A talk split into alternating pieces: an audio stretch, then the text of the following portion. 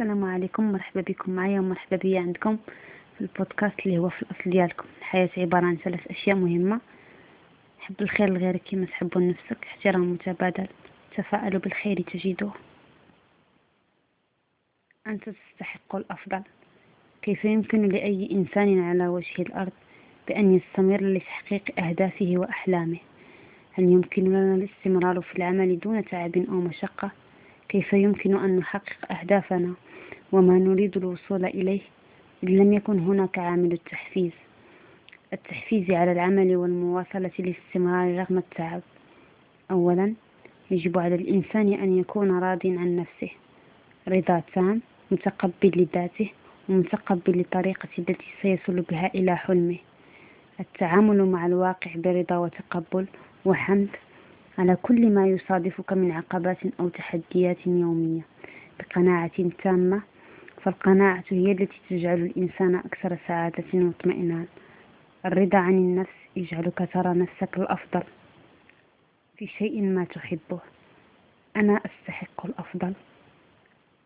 من أكثر الكلمات السحرية التي تجعل الإنسان مع التكرار أكثر قوة وثقة بنفسه تمنحه الشعور بالإيجابية والتفاؤل وتمكنه من الوصول والاستمرار إلى أهدافه وأحلامه.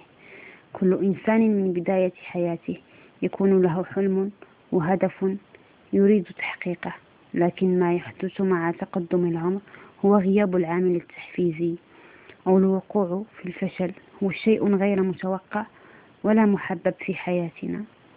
كثرة الفشل قد تبرمج عقولنا على العجز في تحقيق ما نريد لذلك عليك أن تبذل قصارى جهدك لتتخطى الأمر ولتفهم الفشل وتعيد المحاولة من جديد. تلك الأفكار التي تراودنا ونفشل في تحقيقها لا تعتبر دليلا على أفكار خاطئة. ولكن من المحتمل أن الطريق في تحقيق تلك الأفكار هو الخطأ.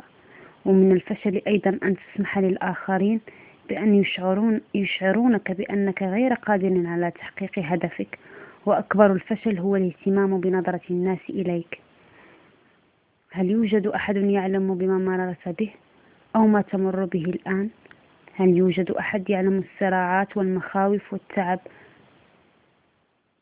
الذي أنت تعيشه؟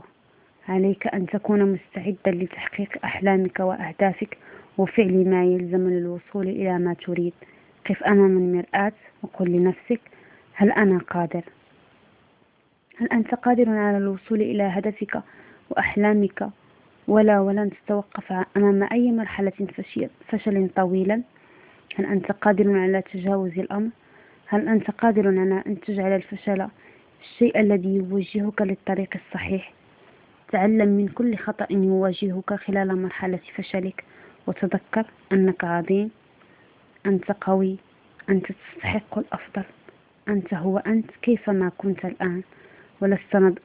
وليس وليست نظرة الناس هي التي ستقول من أنت. كونوا بخير في أمان الله.